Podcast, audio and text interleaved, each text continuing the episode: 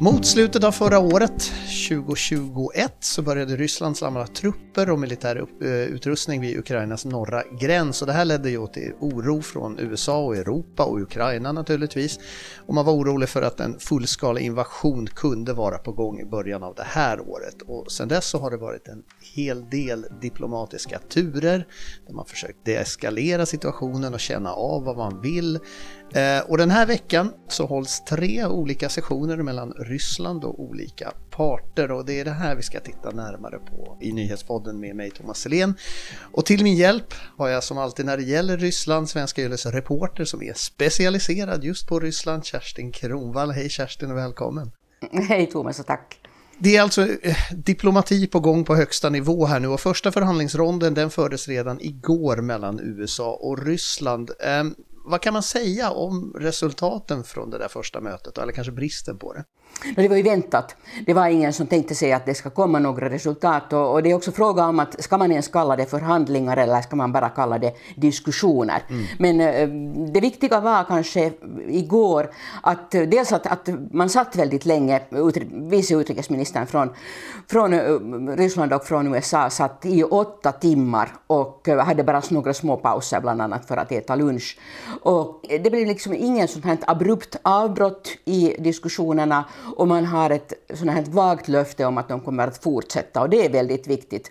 Eh, det är väldigt svårt att se eh, att man under den här veckan skulle uppnå eh, några som helst resultat heller under de här andra, andra förhandlingarna när, när, man, när Ryssland och NATO möts och när Ryssland och OSSE eller, eller Organisationen för samarbete och säkerhet i Europa möts. Så det, det handlar mer om att nu pejla, pejla varandra, lägga fram sina argument och eh, kanske eh, stadfästa sina positioner i de här diskussionerna.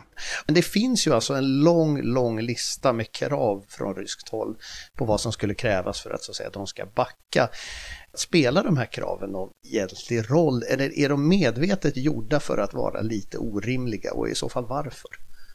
No, det är ju den stora frågan. Det, alltså de låter ju helt orimliga och det, det, kan inte heller finnas i, i den ryska ledningen människor som tror att det här är någonting som, som USA eller, eller NATO eller, eller OSSE eller EU som ju då inte ens har varit med i diskussionerna skulle gå med på. Så det här är det här är på det sättet eh, en väldigt märklig situation att Ryssland eh, först då eh, flyttar stora mängder soldater och krigsmateriel och trupper till, till områden nära den ukrainska gränsen och sen när de här uh, trupperna har stått där ganska länge så kommer då man ut med det här gamla kravet som har funnits i åratal om att, att uh, NATO inte ska få utvidgas österut. Och, och, president Putin kräver då juridiskt bindande löften från NATO om att man inte ska utvidgas. Och så har man då en ytterligare en lista där man, där man säger att, att uh, vissa vapenslag inte ska få finnas på NATO-området och, och, och det ska inte få placerats ut nya vapen.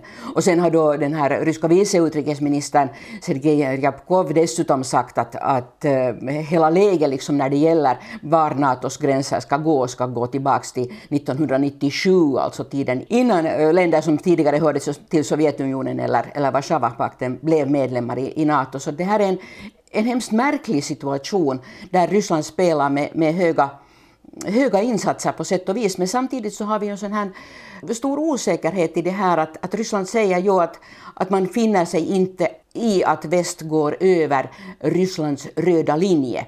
Och svaret kommer att vara hårt, svaret kommer att vara märkbart, men vad är det Ryssland hotar med rent konkret? Så det vet vi inte. Det, det liksom, sitter vi och spekulerar om och bedömer och, och oroar oss för, men vi vet inte exakt vad det betyder Eh, när Ryssland kommer att få ett nej på sina krav den här tajmingen.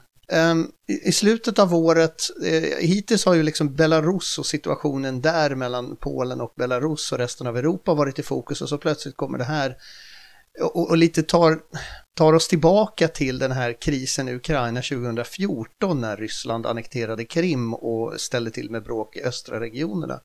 Att, att varför valde man nu att börja liksom placera de här mängderna trupperna i Ukraina? Det verkar som en så konstig tidpunkt. Du talar om krisen i Ukraina, jag talar om kriget i Ukraina som pågår sen, sen våren 2014, alltså snart i åtta år. Eh, och Ryssland hade ju en motsvarande truppkoncentration vid den ukrainska gränsen i våras, alltså i fjol, fjol våras. Och sen drog man tillbaka. Eh, soldaterna lämnade kvar en del av, av beväpningen och sen förde man igen ut de här trupperna i slutet av året. Det här är ett spel som Ryssland för och min bedömning är att just nu eh, väljer president Putin och Rysslands ledning att, att spela högt därför att man ser så mycket svaghet i, i omvärlden.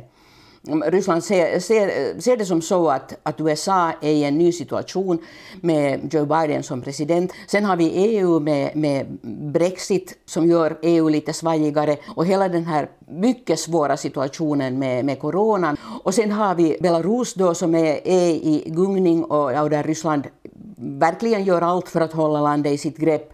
Ukraina är också i gungning, dels på grund av att kriget har pågått så länge på grund av ekonomiska svårigheter, men också därför att president Zelenskyjs popularitet stadigt har dalat. Liksom hela den här, den här situationen där president Putin som är en spelare som ser svagheter hos sin motståndare och slår till när svagheterna eh, uppenbarar sig i hans värld och eh, dessutom inte är en person som, som ägnar sig åt konsekvensbedömning. Han agerar reaktivt och, och heller inte så här med, med någon plan på lång sikt.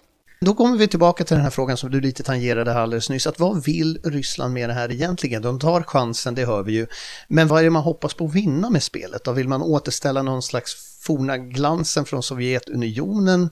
Vill man visa att man är en stormakt att räkna med? Är det så att man försöker hålla ihop sitt eget land som också har ekonomiska bekymmer och pandemi att kämpa med? Eller vad, vad är det man liksom vill åt med det här? Det är ju så svårt att se vilka liksom goda följder av det här som finns mm. för Rysslands del. Att en del av det här är, det, det, du säger att, att Ryssland vill vara en stormakt att räkna med. Man vill liksom vara med och säga sitt. Och Rysslands ledning väldigt bra vet att landet är inte en stormakt på något annat sätt än militärt. Sen när det gäller ekonomi eller, eller kultur eller vad som helst annat så, så är Ryssland inte för tillfället någon stormakt. Sen finns det också en, en del av det här som man just nu håller på med i Ryssland som handlar om att att president Putin äh, anser att det var en mycket stor tragedi att Sovjetunionen föll sönder och han anser att, att eh, de områden som en gång hörde till Sovjetunionen, så de borde fortfarande liksom höra till Ryssland. Och, och här vädrar han ju också morgonluft i och med att det har varit oroligheter nu också i Kazakstan och Belarus där det började redan 2020 så, och Ukraina har länge varit i gungning så, så här ser Putin liksom att Rysslands styrka skulle kunna vara den att, att man på något sätt igen skulle återfå kontrollen av de här områdena och det har att göra med, med hela hans sätt att tänka. Och jag, jag känner mig som en skiva som har hakat upp sig eller som en papegoja, för jag har sagt det här så oerhört många gånger, men all rysk utrikespolitik, handelspolitik, eh, militärpolitik, allt, eller försvarspolitik ska vi kanske kalla det, allt det kan eh, liksom sammanfattas med ett ord, det är geopolitik. Tanken om att världen består av eh, stormakter med intressesfärer. Så det är liksom den utgångspunkt som Ryssland har. Den ryska Putin-regimens eh, tankesätt innehåller ingenting sånt som man skulle kunna kalla win-win, alltså det att det skulle finnas en möjlighet att man gör kompromisser eller hittar lösningar där vardera parten vinner. Utan för Ryssland är allting ett nollsummespel och om en vinner så förlorar en annan. Och den här tanken till exempel när det gällde då kriget i Ukraina och allt det som skedde då 2013 och 2014 så eh, handlar det om det att för Ryssland är det otänkbart att Ukraina skulle ha kunnat inleda eh, nära handelsförbindelser med EU och fortfarande ha en god relation till Ryssland. Det är liksom omöjligt i den här tankevärlden, utan man är antingen vän eller fiende. Ja, och Ukraina är ju väldigt speciellt på det sättet. Vad, vad betyder Ukraina egentligen för Ryssland? Ukraina är oerhört viktigt. Och det har att göra förstås med att, att uh, ukrainarna och ryssarna står varandra väldigt nära. Putin har inte helt fel när han talar om broderfolk. Alltså det här är, är kulturer, människor, samhällsbyggen som står varandra väldigt nära. Och det, det, är väldigt smärtsamt både för många ryssar och för många ukrainare att det nu finns ett krig som pågår mellan länderna och att, att man är liksom ovänner. Det här har splittrat familjer, det har splittrat uh, vänskapsförhållanden. Ukraina är som Ryssland ser det en viktig del av Ryssland, om vi riktigt talar klarspråk. Och Ryssland har under årens lopp gång på gång eh, låtit förstå att Ukraina egentligen inte är en stat och att Ukraina inte har, har förmåga att överleva som en stat utan det är nu en sån här de leker nu lite självständighet här för tillfället men att, men att de måste återkomma till den ryska hamnen eller modersfamnen igen. Att de kommer inte att klara sig. Det, det, här gör helt enkelt att, att man utan att, att fråga ukrainarna idag själv anser att det här är Rysslands intresseområde och här har Ryssland, anser Ryssland rättmätiga krav att ställa på vad som händer i, i de här länderna. Det är just det här att eh, ukrainska kriget har pågått i så otroligt många år där nu och, och du nämnde just den här pressen som många känner just då att det, det är synd att de här länderna ligger i krig. Äh, hur har liksom livet sett ut där? Om man skulle försöka beskriva det med några få ord, att hur ukrainarna har liksom upplevt den här situationen under de här krigsåren? De har ju upplevt det på väldigt olika sätt. Att om, man, om man rör sig i, i huvudstaden Kiev eller, eller i västra Ukraina så, så är man mindre påverkad än om man åker till den allra östligaste delen som ju då är krigsområdet, så dit har vi ju inte som journalister från väst kommit in på många år. Men där lever man ju helt enkelt i fruktansvärd oro och skräck och fasa eftersom det pågår krig och där dör människor fortfarande varje vecka även om det har liksom försvunnit ur nyhetsrubrikerna. Sen i områdena eh, där i närheten, alltså i den så kallade eh, fria delen av östra Ukraina, så lever människor med stor oro. Och eh, en stor sorg i det att nu finns det en del av deras grannskap, en del av deras land där de har vänner, där de har släktingar, där de har varit vana att röra sig, det har hört liksom till deras område, dit de inte kan ta sig där det pågår krig och där, där man plötsligt är fiender sinsemellan. Så det här är ju oerhört tungt. Sen är det tungt ekonomiskt och det är tungt, tungt på många andra sätt och, och liksom den här stora flyktingvågen som har kommit därifrån krigsområdet så har ju också tärt på på Ukraina och från västra Ukraina har väldigt många unga män åkt ut i kriget, alltså deltagit på Ukrainas sida och, och kämpar där i östra Ukraina. Och när det sen har kommit flyktingar från eh, det krigsområ krigsområdet till västra Ukraina så har där uppstått sådana konflikter för att, för att människor har varit sura för att också unga män från krigsområdet har flytt därifrån medan deras egna pojkar strider där i det där området. Och, och det är ju det är liksom svårt att, att eh, för, för många där i, i väst att förstå hur oerhört omöjligt det har känts för de här unga männen att börja eh, slåss mot sina grannar. Men med det här i bakhuvudet då, den här rådande situationen, du, hur ser man på saken då från ukrainskt håll? Du nämnde att man inte alls har något förtroende längre för president Zelensky. Förtroende är väldigt litet. Sen Zelensky blev vald till president då våren 2019 så har man ju på något sätt Först trodde man på och sen hoppades man på och nu har, nu har man blivit besviken på att han inte har gjort, eller att, att han lovade då att, att få till stånd fred i eh, Ukraina och det har han inte lyckats med. Och jag kommer ihåg att eh, när jag själv då har gång på gång varit där så, så först i början så fanns det en enorm entusiasm i hela landet och alla trodde att nu ska det bli bättre. Och sen eh, efter ett år ungefär eh, så börjar man säga sådär att, att eh, Zelensky måste börja förhandla med Ryssland. Att man måste liksom, och uttryckligen det här att man måste börja förhandla, vilket skulle betyda att vissa ukrainare skulle vara beredda att liksom ge efter på, någon, på något plan för att få slut på kriget. Och nu, just nu så, så vill man från rysk sida på alla sätt påverka det här. Och, och det, har kommit, det kom igår eh, under dagens lopp väldigt, väldigt många sådana nyhetsbulletiner från östra Ukraina, från de här som Ryssland kallar folkrepublikerna i Donetsk och Luhansk, men som alltså är det här krigsdrabbade området, eh, där, där man skrev att, att Ukraina har liksom beskjutit civilbefolkningen där. Och, eh, och sen kom det också uppmaningar från ryska politiker att nu måste, nu måste Kiev börja förhandla med de här så kallade folkrepublikerna. Så att man bygger också upp en sån här, mm, en sån här bild i Ryssland av att det är Ukraina som är den fientliga parten. Om man nu skulle vilja deeskalera den här situationen på riktigt, eh, vad skulle det liksom krävas för att Ryssland ska backa och ändå behålla ansiktet? Det är ju det som, som Ryssland inte har sagt klart ut. Det är det som är det hemska i den här situationen, att vi, att vi vet inte. Vi vet inte vilket det verkliga målet är.